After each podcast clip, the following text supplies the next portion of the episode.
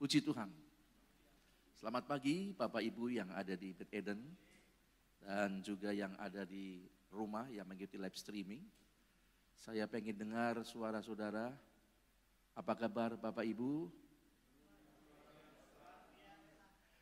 Haleluya. Apa kabar Bapak Ibu?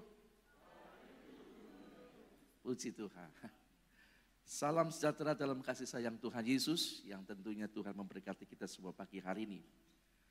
Nah firman Tuhan yang akan saya sampaikan ini, saudara, saya terinspirasi dari beberapa catatan dan saya menyimak khotbah-khotbah dari Bapak dan Ibu kita yang mengembalakan kita dan juga rekan-rekan yang lain dalam doa-doa malam. Bagaimana kita harus hidup dalam kasih, harus seperti ini, harus seperti ini. Maka kita lihat judulnya dulu saudara. Hidup dalam pimpinan roh Allah. Nah saudara yang dikasih Tuhan, menghadapi hari-hari di mana Yesus akan datang kembali, ini sangat penting saudara untuk hidup kita dalam pimpinan roh. Kenapa kita sudah dengar sendiri? Karena yang kita hadapi adalah masa-masa yang sukar. Kita ingat Bapak Gembala sudah khotbah di dalam 2 Timotius 3 ayat 1 bahwa pada hari-hari terakhir akan menghadapi masa yang sukar. Nah, kenapa disebut hari-hari terakhir? Karena di hari terakhir ini hanya dua pilihan, saudara. Saudara mau ada di dalam Tuhan atau di luarnya. Ketika saya membaca hari-hari terakhir, kok ditulisnya hari-hari terakhir, nggak dari awal-awal? Karena di hari terakhir inilah kita hanya ada dua pilihan. Saudara mau di dalam Tuhan dan tetap kuat, menang, atau justru di luarnya. Menang kita akan disempurnakan, kita akan disingkirkan dari masa pemerintahan antikris. Dan yang tidak, kita akan tertinggal. Ini yang kadang-kadang kita lupa. Untuk itu kita penting hidup dalam pimpinan roh Allah. Mari kita lihat ayatnya, Roma 8 ayat 14. Firman Tuhan berbunyi demikian, semua orang yang dipimpin roh Allah adalah anak-anak Allah. Nah ayat ini saudaraku, next dalam catatan selanjutnya. Ayat ini menjawab pertanyaan banyak orang tentang ada orang yang lama jadi Kristen, kok bisa mundur, bisa jatuh, bahkan terhilang. Tetapi ada orang yang baru percaya sama Tuhan, dia dengar firman Tuhan, kok malah lebih lebih kuat dan lebih dewasa rohani. Itu banyak dipertanyakan, saudaraku. Dan saya juga melihat orang yang dulu begitu mulai melemah, melemah, melemah, kok hilang. Tapi yang baru-baru saya khawatir suatu dia akan mengenapi firman Tuhan yang terdahulu akan menjadi yang kemudian. Orang yang kemudian, suraku nggak tahu dari mana, tiba-tiba dia percaya di hari-hari akhir. Terima Yesus, malah dia lebih maju dan lebih dewasa. Nah kita lihat catatan selanjutnya suraku. Menjadi pengikut Kristus yang sejati bukanlah masalah berapa lamanya orang itu jadi Kristen. Bukan. Ini bukan jaminan untuk orang ini dewasa rohani, bukan saudaraku. Tetapi ini, masalahnya adalah siapa yang mengendalikan kehidupannya selama ini. Itu dia. Apakah dipimpin oleh roh Allah atau dipimpin oleh kedagingannya, keinginannya. Ini yang jadi masalah saudara. Bukan lamanya oh, orang ini 50 tahun bro, kamu belum lahir udah jadi Kristen. Belum jaminan dia rohaninya kuat dan dewasa. Karena masalahnya ini saudaraku. Dia hidup dipimpin oleh Allah atau kedagingannya. Nah menjadi orang Kristen Bapak Ibu, itu tidak melulu berbicara tentang diberkati atau tidak, alami pertolongan, alami mujizat, kan kebanyakan orang Kristen harapannya begitu. Itu memang Alkitabiah, itu cuman bonus saudara. Tapi menjadi Kristen, ya saudara, itu sebetulnya mengenai kita ini bertahan sampai akhir atau tidak. Itu loh. Sebab tujuan akhir Yesus itu bukan karena kita supaya kita diberkati, terima mujizat, titik. Bukan, oh, kalau kita pegangannya itu, waduh bahaya saudara. Berkat betul ada, tapi itu bonus. Tapi pencapaian Yesus untuk kita semua bukan itu. Saudara setia sampai titik akhir. Sebab apa saudaraku, kita menghadapi nanti akan ada banyak penyesatan. Firman Tuhan mulai dipelintir seolah-olah itu Alkitabiah. Ya, belum lagi ada tantangan, ada aniaya. Ini yang Tuhan ingin supaya kita kuat. Itulah sebabnya roh kudus diutus dalam kehidupan kita. Karena kenyataannya saudaraku kalau saya membaca dalam 1 Timotius 3 ayat 8, Ibrani 3 ayat 12 akan ada murtad. Akan ada banyak orang percaya murtad dan itu harus digenapi. Firman yang ngomong. Saya ingin bukan kita yang mengenapi itu. Tapi kita adalah orang-orang yang bertahan tak terkoyak kayak nyanyian tadi. Amin saudara. Tapi ada murtad dan itu harus terjadi.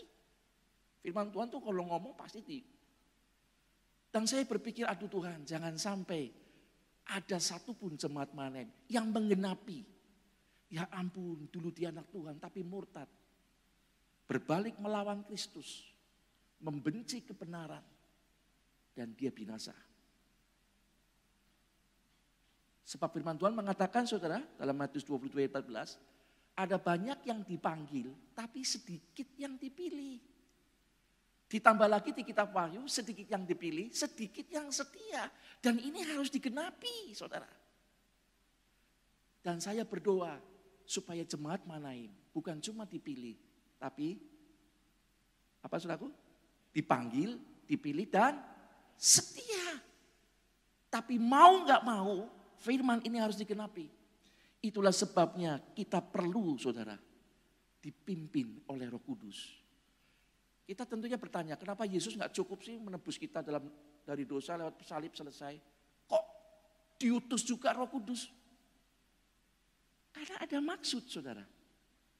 Roh Kuduslah yang memampukan kita hidup dalam kasih. Saya banyak banyak diberkati dalam kebaktian malam, saudara ya, sedang membahas tentang kasih. Itu kalau bukan Roh Kudus tidak akan mampu kita, saudara. Itulah sebabnya kita sangat-sangat penting untuk dipimpin oleh Roh Kudus. Mari kita lanjut pada catatan selanjutnya, saudaraku.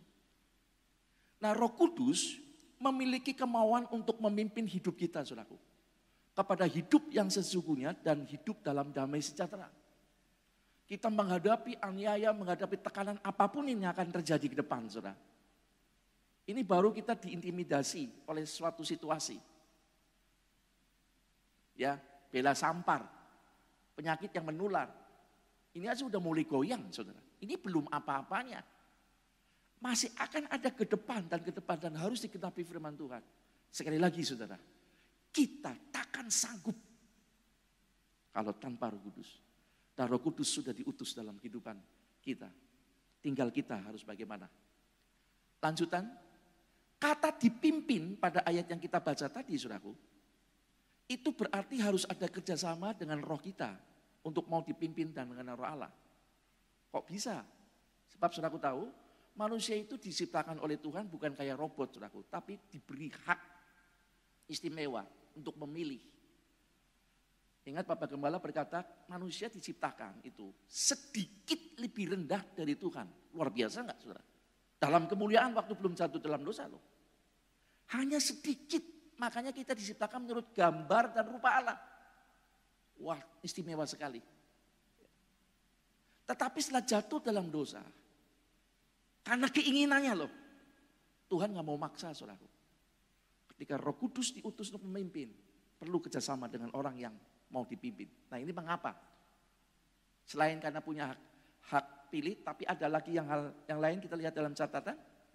Karena roh kedagingan kita, saudara, juga punya pemikiran dan keinginannya sendiri. Nah ini dia. Roh Kudus sudah dipimpin. Mungkin orang itu udah dipenuhi roh kudus. Oh hidupnya nggak berubah ya. Kayak gitu-gitu aja. Nah ini kan apa? Karena roh kedagingan kita juga punya pemikiran dan keinginannya sendiri. Kita lihat ayatnya. Dalam Roma 8 ayat 5. Sebab mereka yang hidup menurut daging memikirkan hal-hal yang dari daging.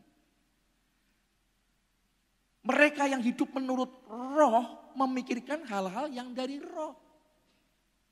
Roh Kudus punya pemikiran, saudara juga punya pemikiran sendiri. Nah ini kadang-kadang jadi kontra ini.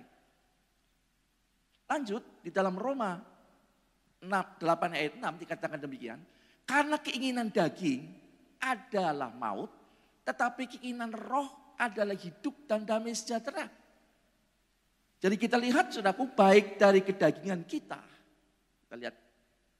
Dan roh Allah masing-masing punya pemikiran dan keinginannya sendiri. Yang hasilnya kita ketahui saudara. Orang yang sudah bertobat ikut Tuhan tapi tidak mau mengikuti pemikiran dan keinginan roh kudus. Tewas saudaraku. Maut. Nah orang-orang inilah yang akan murtad. Yang nantinya bisa murtad ini. Tetapi orang-orang yang mau mengikuti keinginan dan pemikiran roh kudus dikatakan hidup dan damai sejahtera. Saudara ketika saya memikirkan, waduh ini hari-hari ini kekristenan kita mengikut Tuhan gak kayak zaman dahulu saudaraku. Kita harus lebih sungguh-sungguh, lebih concern saudaraku, gak main-main ini. Sebab di hari-hari akhir hanya cuma dua pilihan. Saudara mau terus dengan Tuhan dan di bawah pimpinan Tuhan atau keluar. Nah ini benar-benar loh saudaraku ya. Nah kita lihat selanjutnya, roh kudus memimpin saudara. Nah kata memimpin ini memiliki arti menguasai sepenuhnya. Menguasai sepenuhnya, saudara. Bukan separuh, menguasai sepenuhnya. Nah karena kedagingan kita punya keinginannya sendiri dalam catatan selanjutnya, maka diperlukan penyerahan total kepada roh kudus untuk benar-benar menguasai kita sepenuhnya. Dan kita lihat ayatnya di dalam Roma 6 ayat 13 dan 14 dikatakan demikian saudara. Dan janganlah kamu menyerahkan anggota-anggota tubuhmu kepada dosa untuk dipakai sebagai senjata kelaliman. Tetapi serahkanlah dirimu kepada Allah sebagai orang-orang yang dahulu mati tetapi yang sekarang hidup. Dan serahkanlah anggota-anggota tubuhmu kepada Allah untuk menjadi senjata-senjata kebenaran. Perhatikan baik-baik suraku. Seringkali orang percaya nggak nyadar bahwa dia punya anggota tubuh tapi dipakai untuk senjata dosa kelaliman. Mulut kita dipakai, suraku, untuk ngomong yang jahat. Saudara, berarti anggota tubuh saudara dipakai bukan untuk buat Tuhan. Ngerasani, ngerasani tidak selalu jelek, suraku. Kami hamba Tuhan sering kali ngerasani Bapak Ibu kami, suraku, yang baik. Beliau bisa begitu sanggup ya luar biasa loh ya. Masa kita nggak bisa sih? Beliau bisa dimampukan. Itu ngerasanya yang baik saudara. Gitu? Tapi kalau kita mulut kita dipakai untuk senjata kelelam, ngerasanya ngerasanya yang jahat. Ngelek-ngelek no. Wah jelek-jelek no. Saudara dipakai untuk senjata kelaliman. Itu nggak urusan itu jemaat, majelis, diaken, penatua, termasuk hamba Tuhan. Kalau ininya dipakai untuk senjata kelaliman itu di luar pimpinan roh kudus. Kalah itu berarti orang ini. Bisa jadi yang ada di rumah juga yang itu live streaming. Sebelum ikutin sudah berantem dulu sama istrinya. Ribut soal anak, ribut soal itu. Tapi sekarang duduk mendengar firman Tuhan. Bisa jadi seperti itu. Dipakai senjata kelaliman. Tapi Tuhan katakan serahkanlah anggota-anggota tubuhmu kepada Allah untuk menjadi senjata-senjata kebenaran. Ngomong-ngomonglah yang benar, saudaraku. Jangan ditambah-tambahi. A, A, jangan A, B, C, D. Ini baru mulut loh saudara ya. Anggota tubuh kita kan banyak. Nah ini diperlukan hal ini. Selanjutnya, tadi di ayat merah itu, kalimat yang merah, yang dahulu mati tetapi yang sekarang hidup. Nah kalimat ini saudaraku, lihat catatan selanjutnya.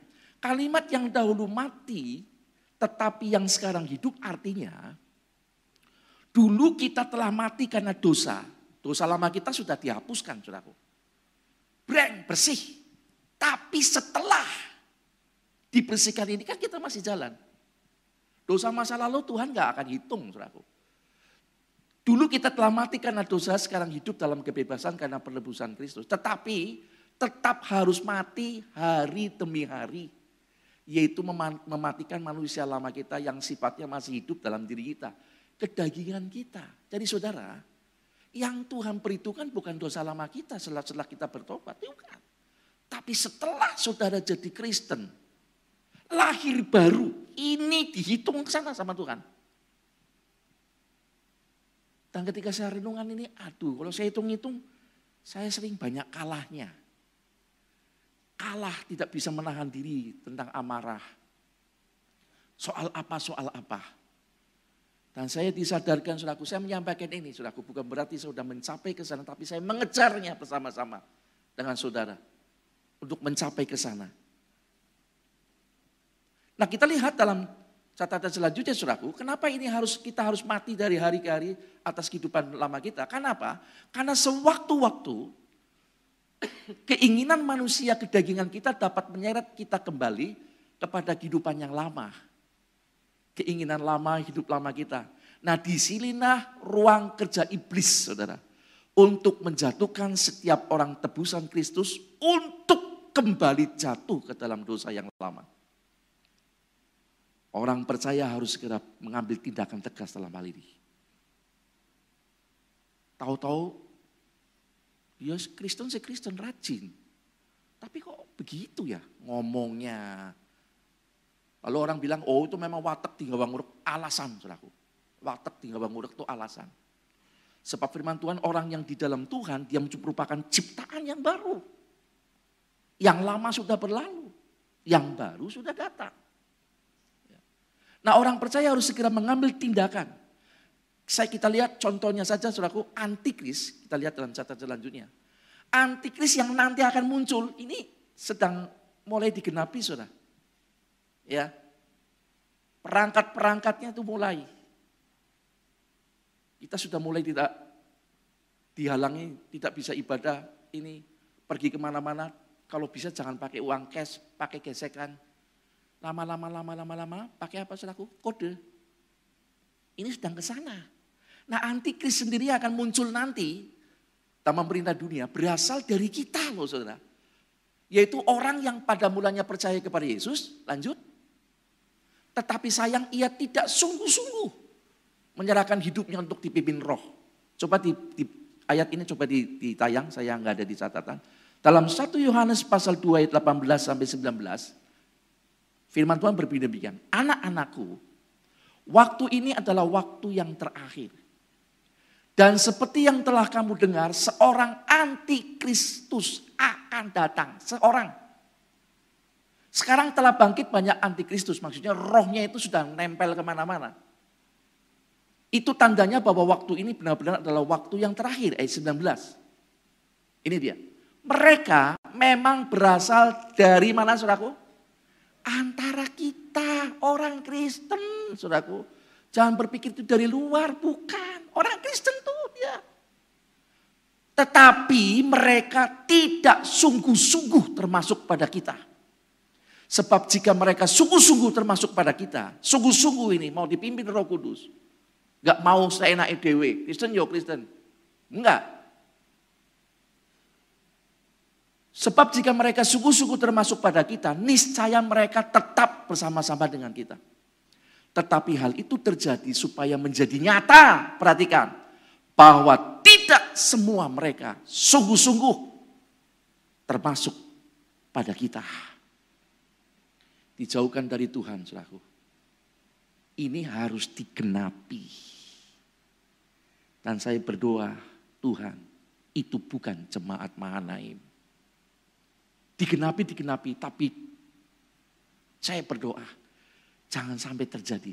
Digenapi di dunia lain silakanlah. Itu terjadi dalam kehidupan. Dalam, dalam kehidupan kekristenan suraku. Kita lanjut suraku pada catatan berikutnya dalam ini banyak ayat suraku ya. Dalam Roma 8 ayat 12 firman Tuhan berbunyi demikian suraku. Sebab jika kamu hidup menurut daging, kamu akan mati. Tetapi jika oleh roh kamu mematikan perbuatan-perbuatan tubuhmu, perbuatan-perbuatan yang berdosa loh maksudnya saudaraku ya. Kamu akan hidup. Perhatikan baik-baik saudara. Ayat ini berbicara apa saudaraku? Jangan izinkan perbuatan dosa yang sudah dihapus oleh oleh darah Yesus itu tumbuh lagi. Tapi segera matikan Saudara harus praktekkan ini, saudaraku. Saudara harus berhenti kejar berkat, berkat, berkat, mujizat. Ada pertolongan Tuhan. Betul, itu cuma bonus. Tapi pencapaian Tuhan dari hidup saudara ini yang Tuhan inginkan ini. Ya. Kita mesti matikan. Nah kita lihat kalimat, jika oleh roh kamu mematikan, ini menunjuk kepada penyerahan diri kepada roh Allah. Untuk mengikuti kehendaknya. Penyerahan. Jika oleh roh kamu mematikan. Jadi kalau kekuatan kita sendiri nggak mampu, kita menyerahkan diri kepada roh Allah untuk memproses kita. Kita mengikuti kehendak Tuhan. Nah ketika kita menaklukkan pikiran dan keinginan kita kepada Kristus, maka harus ada yang dimatikan dalam kehidupan kita. Apa? Ini dia ayatnya suraku. Ini sudah pernah dibawa oleh Ibu Gembala, khotbah ini. Kolose 3 ayat yang ke lima demikian firman Tuhan, karena itu matikanlah dalam dirimu segala sesuatu yang duniawi. Kita masih di dunia, saudaraku. Berdiam di tubuh duniawi. Ada yang ini. Itu mesti dimatikan. Sudah ditebus? Sudah. Sudah diampuni dosanya? Sudah. Bagaimana kehidupan sekarang? Kata dimatikan kita sudah tahu, itu seperti pohon yang sudah ditebang. Kemudian muncul lagi tunas. Segera potes, matiin saudaraku jadi hidup lama kita yang sudah ditebus oleh Tuhan itu kadang muncul lagi. Itu, satu lama. itu harus segera dimatiin. Apa saja yang sering muncul? Yaitu percabulan, kenajisan, hawa nafsu, nafsu jahat dan juga keserakahan yang sama dengan penyembahan berhala.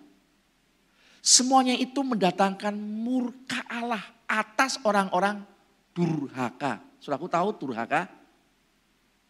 Yang tadinya baik, berontak, itu kan durhaka. Makanya ada kata-kata kamu anak durhaka. Berontak sama orang tua, ngelawan. Nah ini orang-orang durhaka yang nggak mau dipimpin Tuhan. Kita kena murka Allah. Saudara yang saya lihat di sini kok dosa ini harus dibuang bisa mirip-mirip ya. Misalnya percabulan, kenajisan hawa nafsu. Ini kan sejenis. Nafsu jahat dan juga keserakahan percabulan. Sudah aku lihat di dalam kitab Wahyu. Iblis yang gambaran naga itu, dia menyeret sepertiga bintang. Bukan dengan lidahnya loh saudaraku. Bukan dengan mulutnya, tapi dengan ekornya. Makanya pertama itu percabulan. Dan saudara tahu, dosa inilah yang nanti banyak akan menjatuhkan banyak anak-anak Tuhan. Kita saling harus terus mendoakan semuanya. Kami mendoakan saudara, saudara mendoakan kami. Karena apa saudaraku? Mohon maaf. Alat kelamin ular itu bukan di kepala saudaraku. Tapi di ekor. Dan itu diseret dengan ekornya. Maka yang pertama muncul dosa percabulan ini. Kita banyak berdoa harus. Kalau perlu berpuasa. Istri-istri doakan suami, suami doakan istri. Anak-anak doakan orang tua, orang tua doakan anak. Kami yang membantuan doakan jemaat, jemaat doakan kami. Tidak ada seorang pun yang hebat bisa ini kalau bukan pertolongan Tuhan. Dan itu langsung dicatat di sini. Nah lanjut pada catatan berikutnya saudaraku. Dikatakan di sini bukan cuma keserakahan, tetapi semua dosa yang harus dimatikan itu disamakan dengan penyembahan berhala. Kenapa saudara? Karena dengan membiarkan dosa-dosa itu menjadi pusat dari keinginan keinginan kita dan menjadi nilai hidup sehingga tidak bergantung dan beriman kepada Allah, itu sama saja kita menyembah berhala. Dosa ini malah jadi perhatian kita, jadi pemikiran kita. Saya melihat orang-orang seperti itu, saudaraku ya, kadang-kala tiba-tiba menyendiri. Buka, ditanya privasi. Saya jadi tanda tanya saudara. Ada apa denganmu gitu ya. Soalnya sudah jadi pusat perhatiannya itu seperti ini nih. Itu disamakan seperti menyembah berhala. Artinya saudara bertentangan dengan Tuhan. Dan itu harus kita matikan dalam kehidupan kita. Dalam kehidupan kita. Nah selain itu juga ada yang harus kita buang dari hidup kita. Dalam kolose 3 ayat yang 8 dikatakan demikian. Tetapi sekarang, sekarang ini jangan ditunda.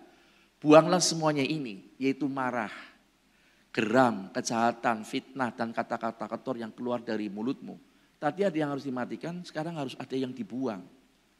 Kata dibuang tuh kadang-kadang nempel lagi, nempel lagi harus dibuang. Saudara mandi kan? Saya percaya sudah mandi. Tapi sudah mandi lagi enggak? Saudara nggak bisa berkata, om sorry, saya sudah mandi lima tahun yang lalu. Tahu? Lalu sudah nggak mandi, saya percaya dakinya 10 cm kedebalnya saudaraku. Saudara mandi sehari paling tidak dua kali toh, pagi dan sore. Kenapa? Kenapa kita harus mandi dan mandi lagi? Karena tanpa kita inginkan debu itu nempel sama kita. Demikian juga dengan marah. Kita ngerti, kita mesti jaga. Tahu-tahu kita lepas kontrol. Marahnya berlebihan. Ada suami-suami marah sama istrinya, gebrak meja. Keluar kamu dari saya. Begitu tinggal benar-benar pergi ke rumah mertuanya, dia kebingungan. Loh pergi subuhan ternyata. Salahnya sendiri. Ini mesti dibuang. Geram, Marah sama anak, geram selaku yang Tuhan kasih. Enggak rampung-rampung marahnya. Kejahatan, fitnah. Saudara tahu fitnah? Saudara berkata enggak benar tentang seseorang itu udah fitnah, saudara. Saudara berkata Gideon itu langsing bagus, itu fitnah, saudara. Sebab nyatanya saya melentung begini. Itu sudah fitnah, saudara jangan pikir fitnah itu yang berat-berat. Berkata tidak benar saja tentang seseorang, itu sudah masuknya fitnah. Lalu kata-kata kotor, nah ini dia. Ya, kata-kata kotor yang keluar dari mulut kita kadang keterucut. Buang saudaraku. Dan jangan diambil lagi. Kadang kita kadang-kadang guyon. Guyonnya kadang-kadang tahu-tahu nyeplos. Kata-kata yang jorok. Ya, ya Pak ya saudara. Eh, kemudian ditutup mulutnya. Tuhan bilang buang itu. Sebab jika kalau itu nempel terus, dibiarkan terus, itu akan menjadi kebiasaan dan kemudian itu menjadi karakter. Dan lama-lama tanpa sadar kita sudah keluar dari tuntunan Allah. Nah itu semua daftar dari keinginan daging manusia, saudaraku. Yang harus dimatikan dan dibuang dalam kehidupan baru bersama dengan Tuhan. Nah sekarang bagaimana dengan pikiran kita? Ini pikiran kita juga perlu, saudaraku ya. Bukankah pikiran dan keinginan berjalan bersama dengan menentukan perbuatan kita? Nah, pikiran kita, kita lanjut, juga harus ditaklukkan kepada pikiran Kristus Yesus. Jadi hidup kita semuanya termasuk pikiran kita. Sebab firman Tuhan berkata demikian dalam Filipi 2 ayat yang kelima. Hendaklah kamu dalam hidupmu bersama menaruh pikiran dan perasaan yang terdapat juga dalam Kristus Yesus. Saya sangat tertarik dengan ayat ini. Menaruh pikiran dan perasaannya Yesus. Saya terapkan saudara. Ketika saya menghadapi orang, mungkin saudara juga alami. Katakanlah saudara menghadapi orang yang nyetili. Saudaraku tahu nyetili? Di bahasa asli Tegal, saudaraku. Nyengiti. Ngomongnya angas, gak enak. Saudara sakit hati. Coba saudara pakai perasaan Kristus. Kristus juga mungkin kecewa. Tapi selanjutnya, apakah Tuhan dendam? Enggak loh, itu perasaan Tuhan. Pikiran Kristus. Ketika menghadapi sesuatu, saya pikir kalau Tuhan hadapi ini, apa yang dipikirkan Tuhan? Saya mencoba menyamakan apa yang dipikir Tuhan, bukan dipikir saya. Kalau dipikir saya, tak, oh kecek saja. Orang begini. Tapi pikiran Tuhan beda, saudara. Marah, Bagaimana pikiran Kristus soal marah? Firman Tuhan katakan, jangan sampai matahari tenggelam. Nah ini kalau ada bapak ibu marah-marahan sampai berbulan-bulan, bagaimana itu? Tidur satu di sana, satu di sini. Gulingnya di tengah-tengah. Seperti kata engkau di sana dan aku di sini. Orang rampung-rampung. Ini bukan pikiran Kristus, saudara. Ketemu, buang buka, saudara. Masih artinya gitu? Saya pernah digituin soalnya saudaraku. Saya udah senyum-senyum dari jauh, begitu orang yang dekat bisa kayak layangan putus lah, begitu ketemu dua. Tapi ini orang kenapa ya?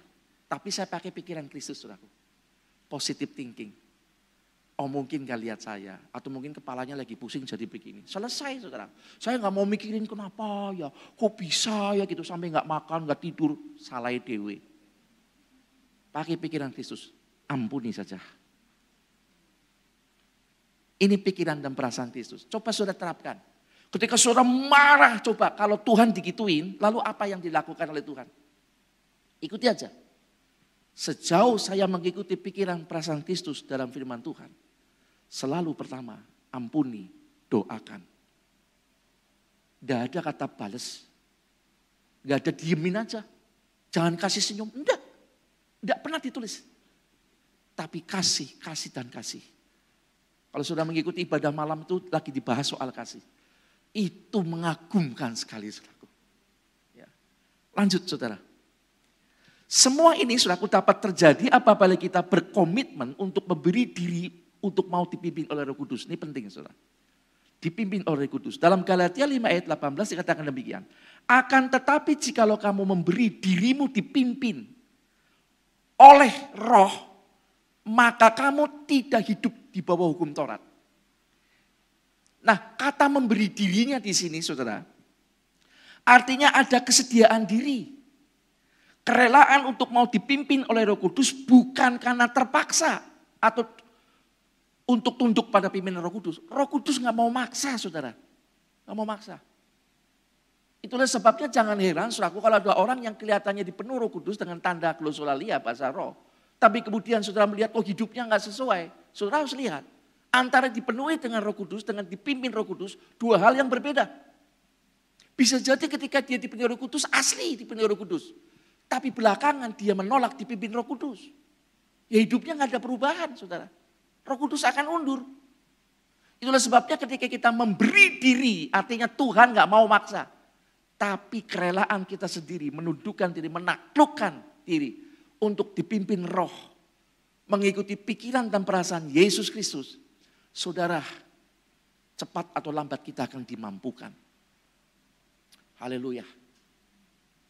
Saya bersyukur bisa dimampukan Roh Kudus untuk mendoakan orang yang sebetulnya nggak nggak nggak pantas saya doakan. Karena saking sakitnya di sini. Tapi saya bisa mendoakan dengan tulus sampai meneteskan air mata. Bukan hebat saya, karena saya belajar. Dulu saya munafik, saudaraku. Oh saya harus jujur. Ya.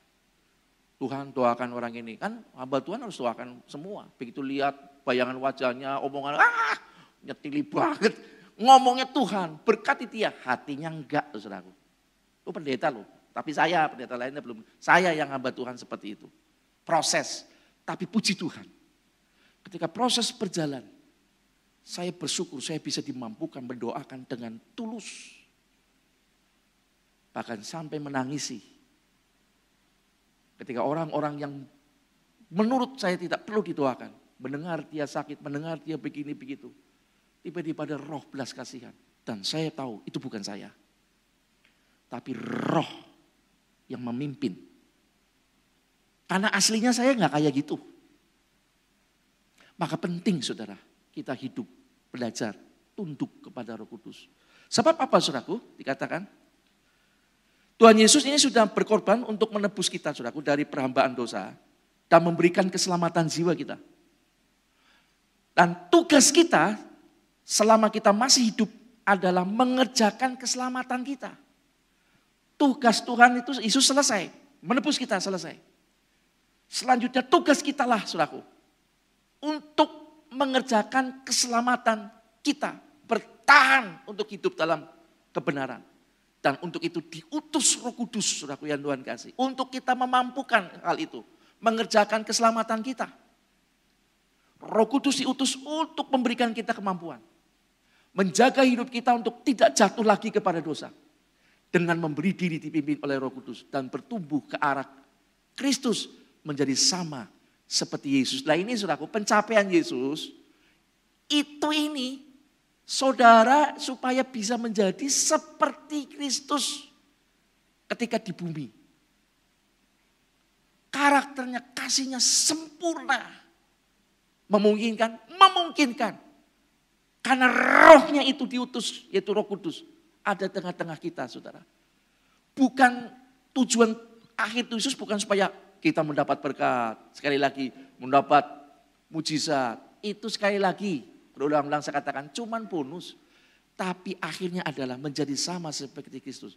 Kalau kita gagal saudaraku, kita keluar dari ini. Saudara, kekristenan bukan jaminan masuk surga. Pelayanan bukan jaminan untuk masuk surga. Sebab Tuhan katakan bukan yang berseru kepadaku Tuhan, Tuhan akan masuk kerajaan surga. Tapi mereka yang mendengar dan melakukan firman Tuhan. Itu yang akan masuk ke sana. Mendengar dan melakukan firman itu akan menjadi sama seperti Kristus. Maka orang-orang seperti ini melayani pun melayani karena apa? Karena dia melakukan firman. Bukan karena oh saya pintar, saya ahli, main gampang. Apa yang tidak bisa itu saya lakukan? Itu bukan. Tapi melayani orang-orang seperti ini, melayani karena dalam rangka aku melakukan firman Tuhan. Makanya aku melayani. Dan banyak hal yang lain. Puji Tuhan. Nah sekarang kita lihat tentang tanda pengenalan Allah, saudaraku. Tanda pengenalan Allah jelas, semua orang yang dipimpin roh Allah adalah anak Allah. Saya lupa taruh ayat yang lain. Kalau sudah baca dalam Injil Matius 7 ayat 23, kalau nggak salah. Nanti pada hari-hari akhir akan datang orang berkata Tuhan, bukankah aku mengusir setan demi namamu? Bukankah aku menyembuhkan orang sakit demi namamu? Bukankah aku berdebuat demi namamu? Tapi Tuhan bilang, maaf, aku nggak kenal kamu. Kenapa saudara? Dimungkinkan orang ini keluar dari pimpinan Roh Kudus. Sebab tanda pengenalan Allah adalah semua orang yang dipimpin Roh Allah adalah anak Allah. Berarti ada yang bukan anaknya Allah. Kita lanjut saudara.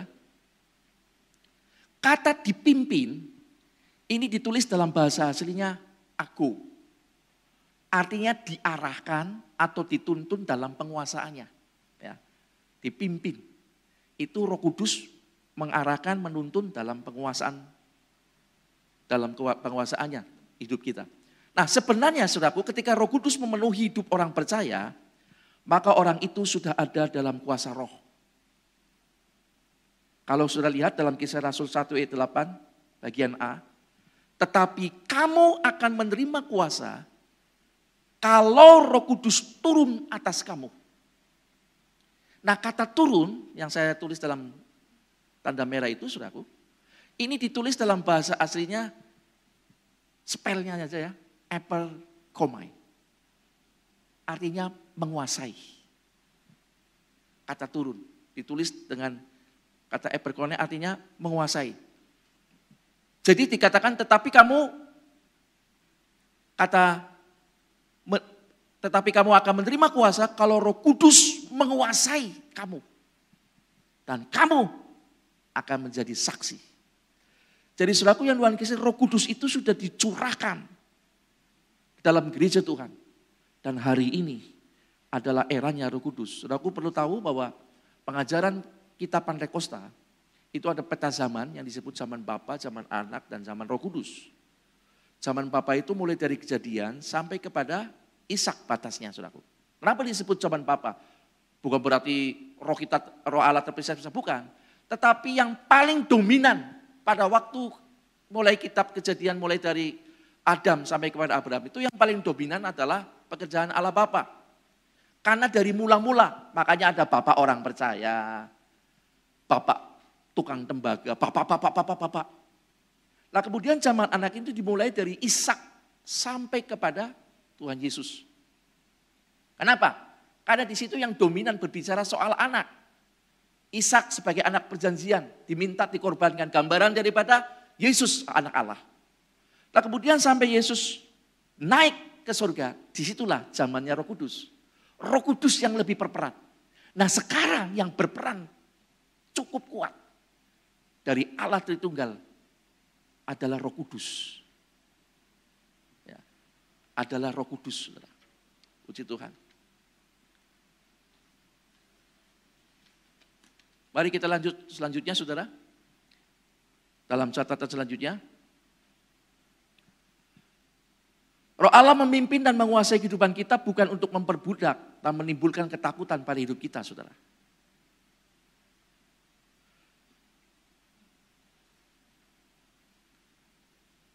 Tetapi kita lihat Roh Kudus memimpin kehidupan kita untuk bagaimana kita dapat hidup menjadi anak-anak Allah yang sebenar-benarnya. Sehingga kita dapat memanggil Allah itu Bapa. Roh Kudus menguasai kita. Bukan seperti dosa kedaging kita menguasai kita, saudara.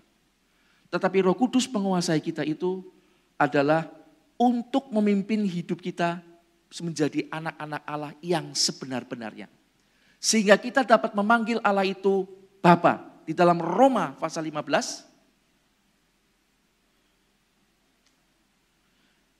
Sebab kamu tidak menerima roh perbudakan yang membuat kamu menjadi takut lagi. Tetapi kamu telah menerima roh yang menjadikan kamu anak-anak Allah. Oleh roh itu kamu berseru, ya Aba, ya Bapa. Nah Bapak Ibu selaku yang Tuhan kasih, Roh Kudus memimpin kita untuk benar-benar kita menjadi anak Allah yang sebenar-benarnya. Kenapa suraku? Karena ada anak Allah yang kadang sekarang jadi anak baik, besok jadi anak balelo, nanti jadi anak baik lagi, besok menjadi anak terhilang. Karena ada ditulis anak terhilang. Besok jadi anak baik, eh belakangan jadi anak turhaka. Tapi dalam pimpinan roh kudus saudara, kita akan dipimpin menjadi anak-anak Tuhan yang sesungguhnya. Nah kata anak Allah di sini saudaraku ya dalam ayat ini, ini ditulis dengan kata huyos saudara. Artinya dewasa muda. ya Menjadikan kamu anak Allah itu dikata, ditulis dengan huyos. Dewasa muda bukan teknon, bukan bayi rohani, bukan. Kita dijadikan oleh roh kudus dipimpin menjadi anak dewasa muda. Yang kuat dalam kehidupan kita. Roh Kudus menguasai itu memimpin kita menjadi dewasa muda yang kuat dan mengalahkan yang jahat. Kalau saudara membaca ayatnya dicatat saja di dalam 1 Yohanes 2 ayat 13-14 bahwa anak muda itu ditulis oleh Tuhan sebagai orang-orang yang kuat. Kuat di dalam kuat kuasanya yang luar biasa.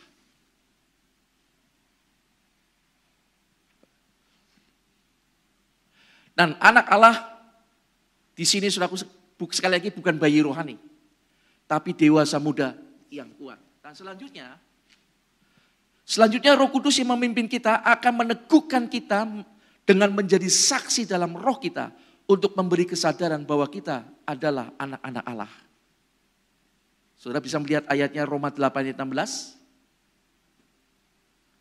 Roh itu bersaksi bersama-sama dengan roh kita bahwa kita adalah anak-anak Allah.